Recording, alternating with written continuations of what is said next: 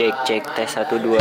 Terus dilandasi dengan kesadaran bagaimana cara kita untuk mengabdikan diri kita kepada masyarakat. Kita harus berdikari uh, secara ekonomi. Koreanis itu tahu sih?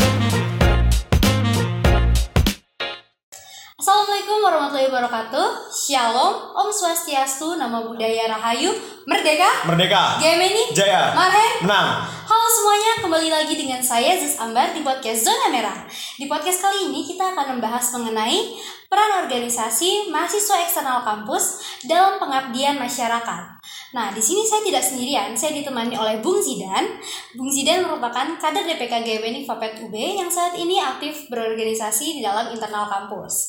Nah, sebelum kita ke topik kali ini, saya ingin berbincang dulu dengan Bung Zidan. Halo Bung Zidan, gimana nih kabarnya Bung hari ini? Halo, alhamdulillah, alhamdulillah baik kabarnya.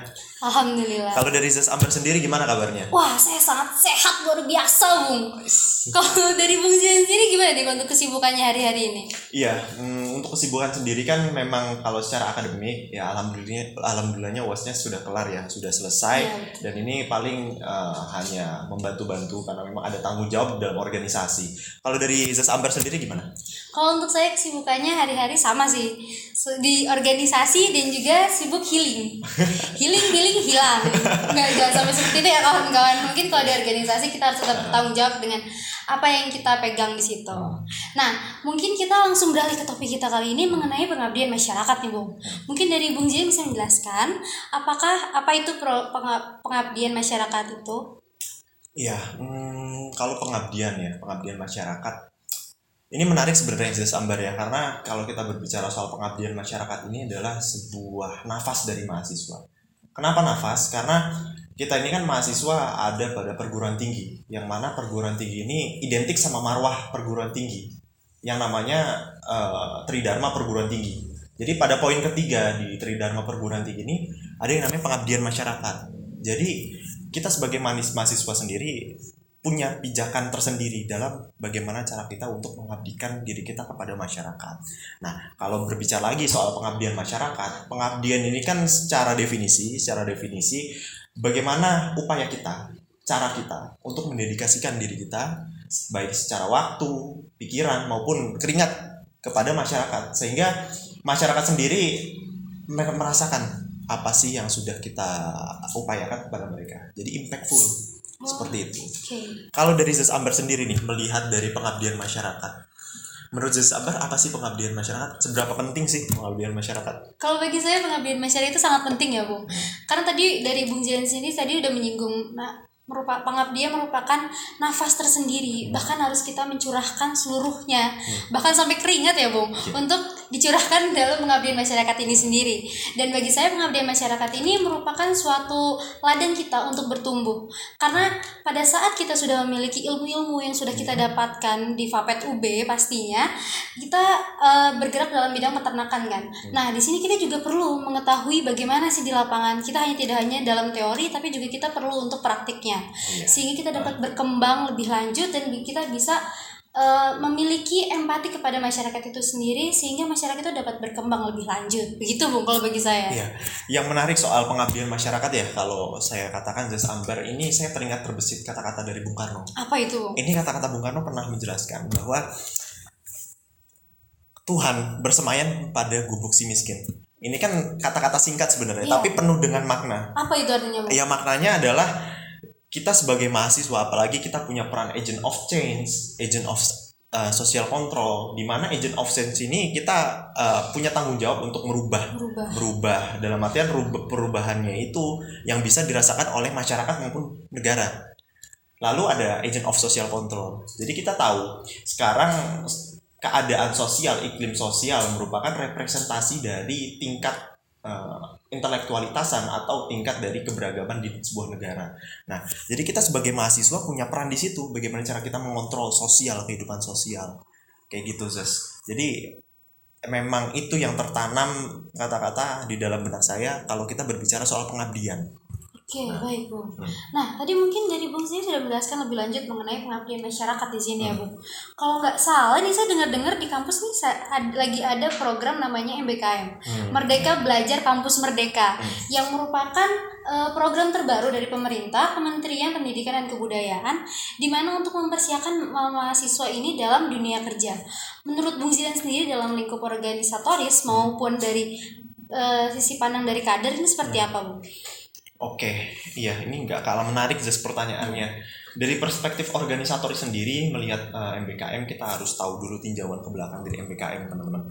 Nah MBKM ini kan adalah salah satu program yang dicanangkan oleh eh, Menteri Nadiem kemarin inovasi dari Menteri Nadiem sekitar satu setengah tahun yang lalu. Memang bisa terbilang baru. Nah, jadi esensi dari MBKM ini adalah mahasiswa sekarang diberikan kebebasan, diberikan kemerdekaan dalam mereka menggali potensi dirinya dalam metode pembelajaran sesuai dengan apa yang mereka inginkan. Nah, itu dasarnya. Tapi ditimpalnya lagi MBKM juga harus mempunyai landasan dicondongkan dari Menteri Nadiem supaya eh, MBKM ini terfokus kepada program pengabdian. Bagaimana cara kita untuk mahasiswa sebagai mahasiswa ya untuk mengabdikan diri kita kepada masyarakat melalui KKN ataupun dari program-program magang yang nanti canangannya itu akan membantu kehidupan masyarakat. Apalagi kita juga di Fakultas Peternakan, magangnya pasti magang-magang yang memang eh, di perusahaan-perusahaan yang sekiranya itu dapat menunjang dari kebutuhan produktivitas eh, apa namanya eh, kebutuhan pangan itu sendiri seperti itu Zus. Nah, mungkin tadi Bung Zia sendiri udah menjelaskan ya mengenai program MBKM ini sendiri.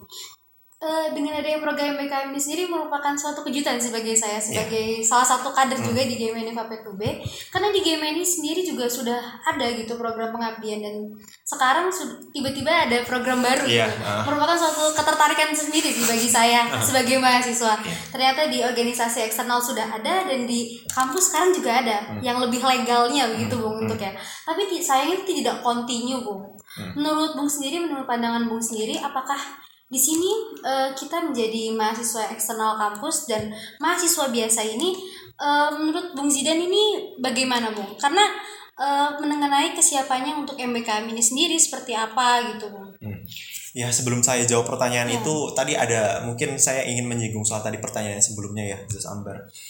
Jadi eh, MBKM sendiri itu kan memang sebuah eh, program yang inovatif, Ya. inovatif sehingga kita dapat diberikan keleluasaan berdikari, berdaulat secara bagaimana cara kita menentukan metode belajar kita.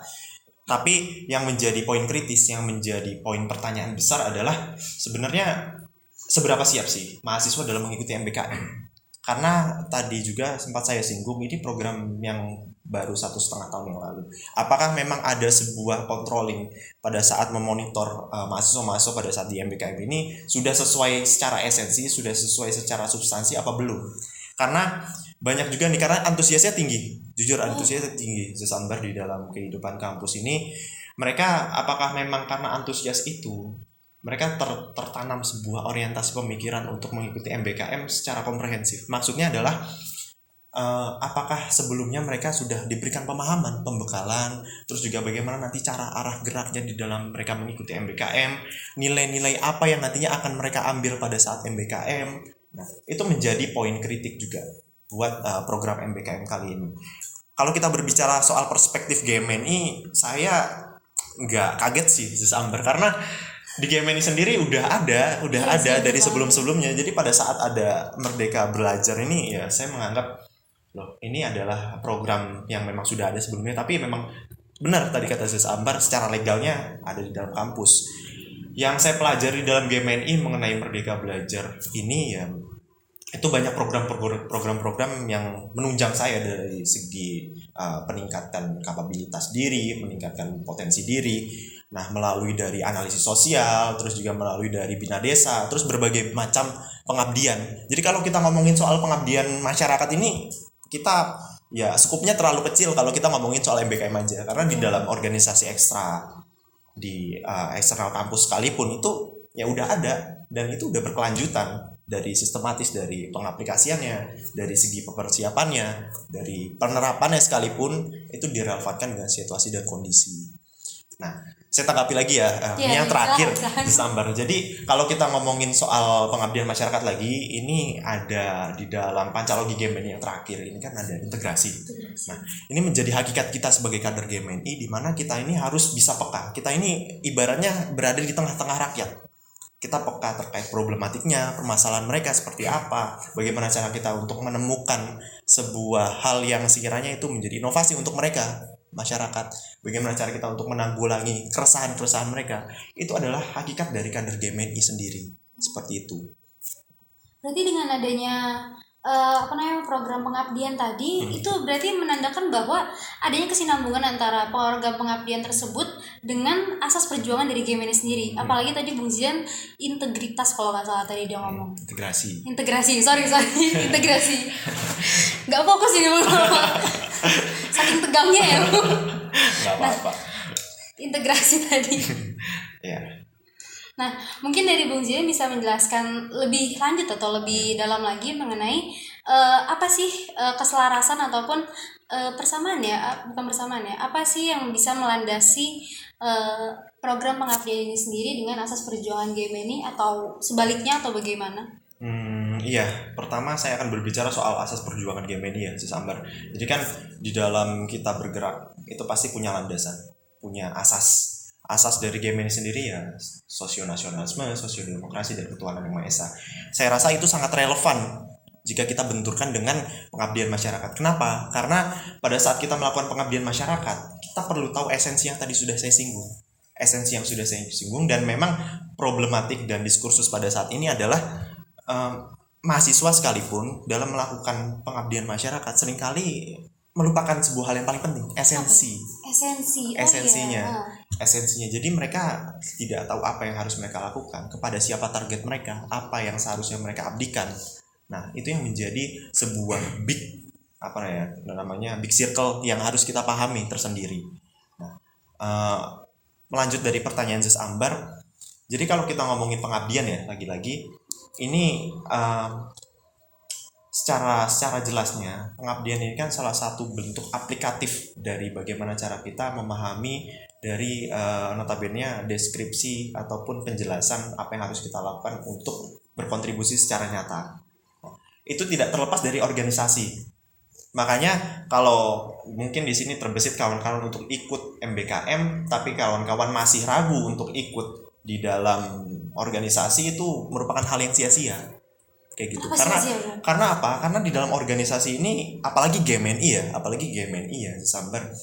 Ini saya diajarkan mengenai bagaimana cara saya untuk mempersiapkan pada dasarnya mempersiapkan persiapan dari pola pikir, persiapan dari pemahaman, orientasi saya untuk terjun itu harus seperti apa, metode yang akan saya lakukan pada saat uh, terjun kepada pengabdian masyarakat itu kayak gimana. Serta yang paling jelas adalah kalau pengabdian masyarakat harus berkesinambungan, harus berkelanjutan Iya, betul. ya kan sustain jadi supaya masyarakat ini juga bukan merasakan bahwa mahasiswa hanya melaksanakan program kerjanya aja menggugurkan tanggung jawab tapi tetap ada sebuah moral value Betul. dari mahasiswa untuk uh, berbuat demikian seperti itu Zes tapi kalau saya boleh bertanya kepada Zes Amber ya Iya, iya, ya? silakan. Ini kalau dari pandangan Zes Ambar sendiri melihat eh, apa ya kita sebagai kader GMNI dalam menanggapi berbagai macam program-program pengabdian ini apa apa sih sebenarnya harus kita persiapkan?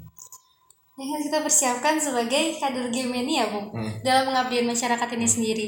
Yang pastinya dengan adanya game ini sendiri itu eh, apa ya? Kita diajarkan mengenai berbagai macam banyak hal.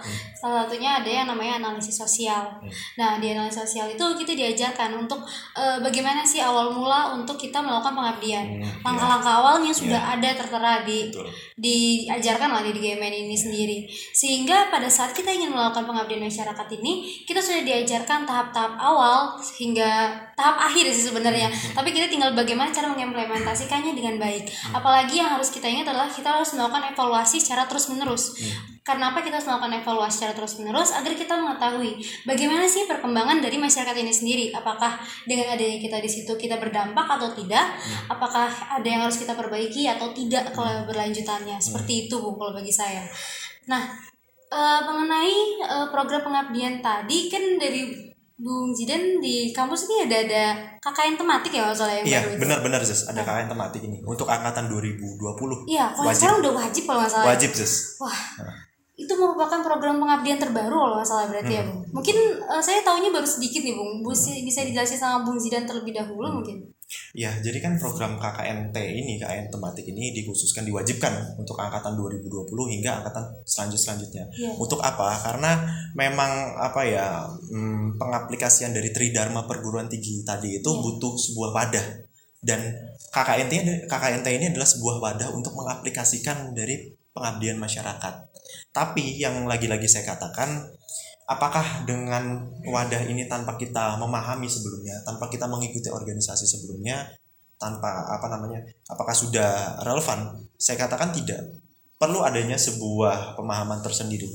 Pe- Perlu adanya sebuah apa ya, pembentukan pola pikir.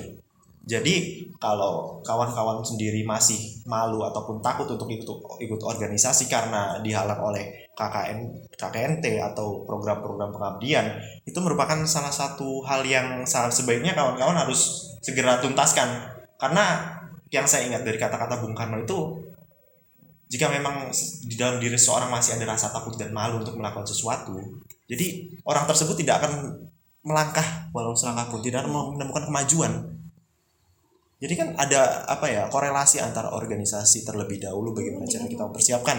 Terus baru aplikasinya aplikatifnya melalui program dari pengabdian masyarakat secara komprehensif. Seperti itu Nah, baik Bung Zidan. Tadi mungkin eh, mengenai KKN tematik ya, merupakan suatu wadah.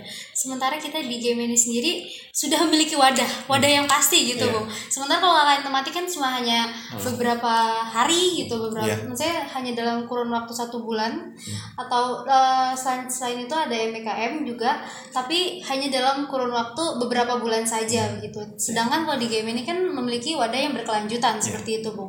Nah, mungkin dari Bung Zidan sendiri bisa memberitahu kami mengenai eh, bagaimana sih peran mahasiswa eksternal kampus ini dalam eh, pengabdian masyarakat. iya iya.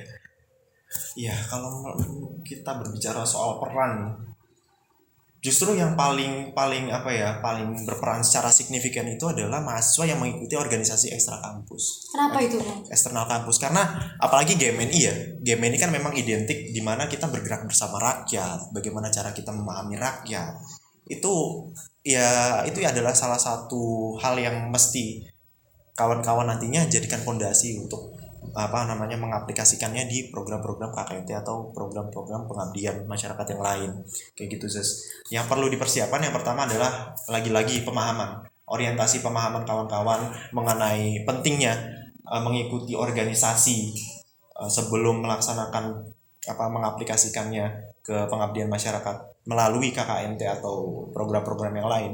Terus melalui orientasi kawan-kawan di mana kawan-kawan jangan sampai uh, menemukan ada di titik sebagai bentuk sarana apa ya? bentuk sega, sarana oportunis dari diri kawan-kawan karena kalau kita ngomongin soal pengabdian lagi-lagi ini skupnya itu luas Iya, jadi bukan betul. hanya bergantung sama diri kita tapi bergantung sama masyarakat seperti itu setelah itu kita juga harus dipersiapkan mengenai bagaimana caranya nanti untuk uh, ber- uh, berkelanjutan mengaplikasikan apa yang sudah kita pelajari di KKNT ataupun MBKM sekalipun itu ke dalam sebuah wadah yang jelas. Seperti yang tadi Amber katakan game ini punya wadah yang jelas. Game ini sekalipun tidak ada MBKM itu kita telah bergerak di bidang pengabdian masyarakat secara berpuluh-puluh tahun mungkin Jess Amber ya. Jadi emang dasarnya itu kita udah paham tapi pada saat ada program MBKM atau KKNT kita tidak terlalu apa ya tidak terlalu eh, kaget tidak terlalu kaget karena kita juga sudah bergerak di situ Iya betul. Hmm. Nah mungkin eh, tadi terkait dengan KKNT, BKM dan juga program pengabdian yang lainnya itu eh, bagaimana sih Bung? Apa hasil dari mereka menurut Bung sendiri ya? Hmm. Bagaimana hasil dari eh, MBKM yang mereka lakukan kakak ataupun KKN tematik? eh, kalau KKN tematik mungkin nanti nanti aja. Iya, mungkin betul. dari MBKM ataupun dari eh, teman-teman GMNI sendiri. Menurut Hmm. Bung bagaimana sih implementasinya ke dalam masyarakat ini? Apakah sudah maksimal ataukah itu merupakan esensi belaka atau bagaimana? Hmm, ya, yang saya tinjau ya dari, ke- dari Ya. keadaan real, kondisi real saat ini adalah kaw- kawan-kawan memang ikut, mereka ikut KKN. Maksud saya MBKM, ya? MBKM, karena sorry. KKN belum. Iya, belum. MBKM mereka ikut MBKM ataupun program-program pengabdian yang secara legal ada di kampus. Tapi terkadang ini mereka orientasinya itu tidak sesuai dengan antusias. Mau oke lah katakanlah antusias mereka tinggi. Iya, betul. Mereka dalam mengikuti program tersebut. Tapi cara mereka untuk menyerap mengaktualisasikan esensi dari uh, MBKM ini masih nihil. Perlu ada proses pengevaluasian secara besar-besaran mungkin kalau bisa saya katakan uh, kepada mungkin kepada fakultas ataupun kampus sehingga harapannya apa yang sudah diaminkan oleh uh, program MBKM ini bisa terwujud bisa terrealisasikan kayak gitu sis Oke. Nah, mungkin karena tadi Bung Zidan sudah menjelaskan ya mengenai implementasinya. Hmm. Kalau dari Bung Zidan sendiri ada keminatan nggak ataupun minat tersendiri mungkin mengikuti MBKM walaupun di dalam game ini sudah ada gitu, Bu. Iya. Hmm, ini jujur sih saya Iya. Kalau nggak jujur gimana ya? Nih, lanjut ya Bung. Iya, jujur ya, sebenarnya saya ada, saya ada, ada kepikiran untuk ikut, ada, ada ketertarikan tersendiri untuk ikut karena apa? Karena yang tadi sudah berkali-kali kita perbicarakan juga, saya sebagai kader Gemen ini punya dasar untuk mengikuti program pengabdian masyarakat, sehingga eh, dalam konteks pengabdian masyarakat, yang esensinya bisa terasa. Tapi saya berpikir lagi, apakah apa yang sudah saya dapatkan di dalam organisasi ini cukup untuk diaplikasikan oleh MBKM. Saya rasa yang paling-paling berkesan dan paling apa ya substansial itu adalah pada saat kita udah belajar di organisasi, kita juga bergerak pengabdian masyarakat ya bisa juga di organisasi itu, bukan melalui MBKM aja. Karena MBKM memang program yang legal, mungkin ada ada benefit tersendiri fee Iya, ataupun benar. dan segala. Tapi terkadang ya Sis Ambar karena fee, orientasi fee ini mengacaukan orientasi kita, pemikiran kita dari awal sehingga mereka ini nggak berjalan secara maksimal. Oh iya benar. Kalau dari Sis Ambar sendiri merasa nggak kayak gitu? Kalau saya terkadang kalau saya tanya teman-teman saya, ya, Bung, Ah. sebagian besar mengincar itunya ya, Bung. Pasti. Tapi mereka tidak lupa untuk mengincar pengalamannya juga. Ah. betul. Katanya untuk diimplementasikan untuk kehidupan sehari-hari seperti itu, untuk diimplementasikan kepada yang lebih lanjut begitu. Bu. Nah, mungkin tadi udah mengenai MBKM. Nah, mungkin dari MBKM dan organisasi, mungkin dari Bung Zidan sendiri memiliki eh, bagaimana sih cara kita sebagai mahasiswa yang ingin ikut organisasi dan ikut ingin ikut pengabdian juga secara langsung bagaimana sih untuk manajemen waktunya secara langsung begitu. Hmm, ya. Ya, yang diajarkan oleh GMNI itu memang berbagai hal. Salah satunya manajemen waktu. Betul. apalagi kita dalam mening- namanya, memperhatikan skala prioritas itu benar-benar diajarkan di dalam GMNI bagaimana nanti teman-teman yang punya eh, keinginan untuk ikut organisasi terus juga punya i- keinginan untuk ikut MBKM itu jangan jangan takut jangan takut. Di GMNI diajarkan itu. Bagaimana nanti teman-teman juga diberikan eh, pembekalan mengenai apa saja yang akan dilakukan berdasarkan program-program yang sudah ada di GMNI Nah, baik. Mungkin kan tadi sudah dijelaskan dengan Bung Zidan, sudah banyak banget dari MBKM, KKN tematik, sehingga dari pengabdian, sehingga eh, apa ya, bagaimana aplikasinya dalam lingkup GMNI, bahkan secara ke masyarakat yang lebih luas di GMNI sendiri. Mungkin saya bisa menarik kesimpulan. Iya.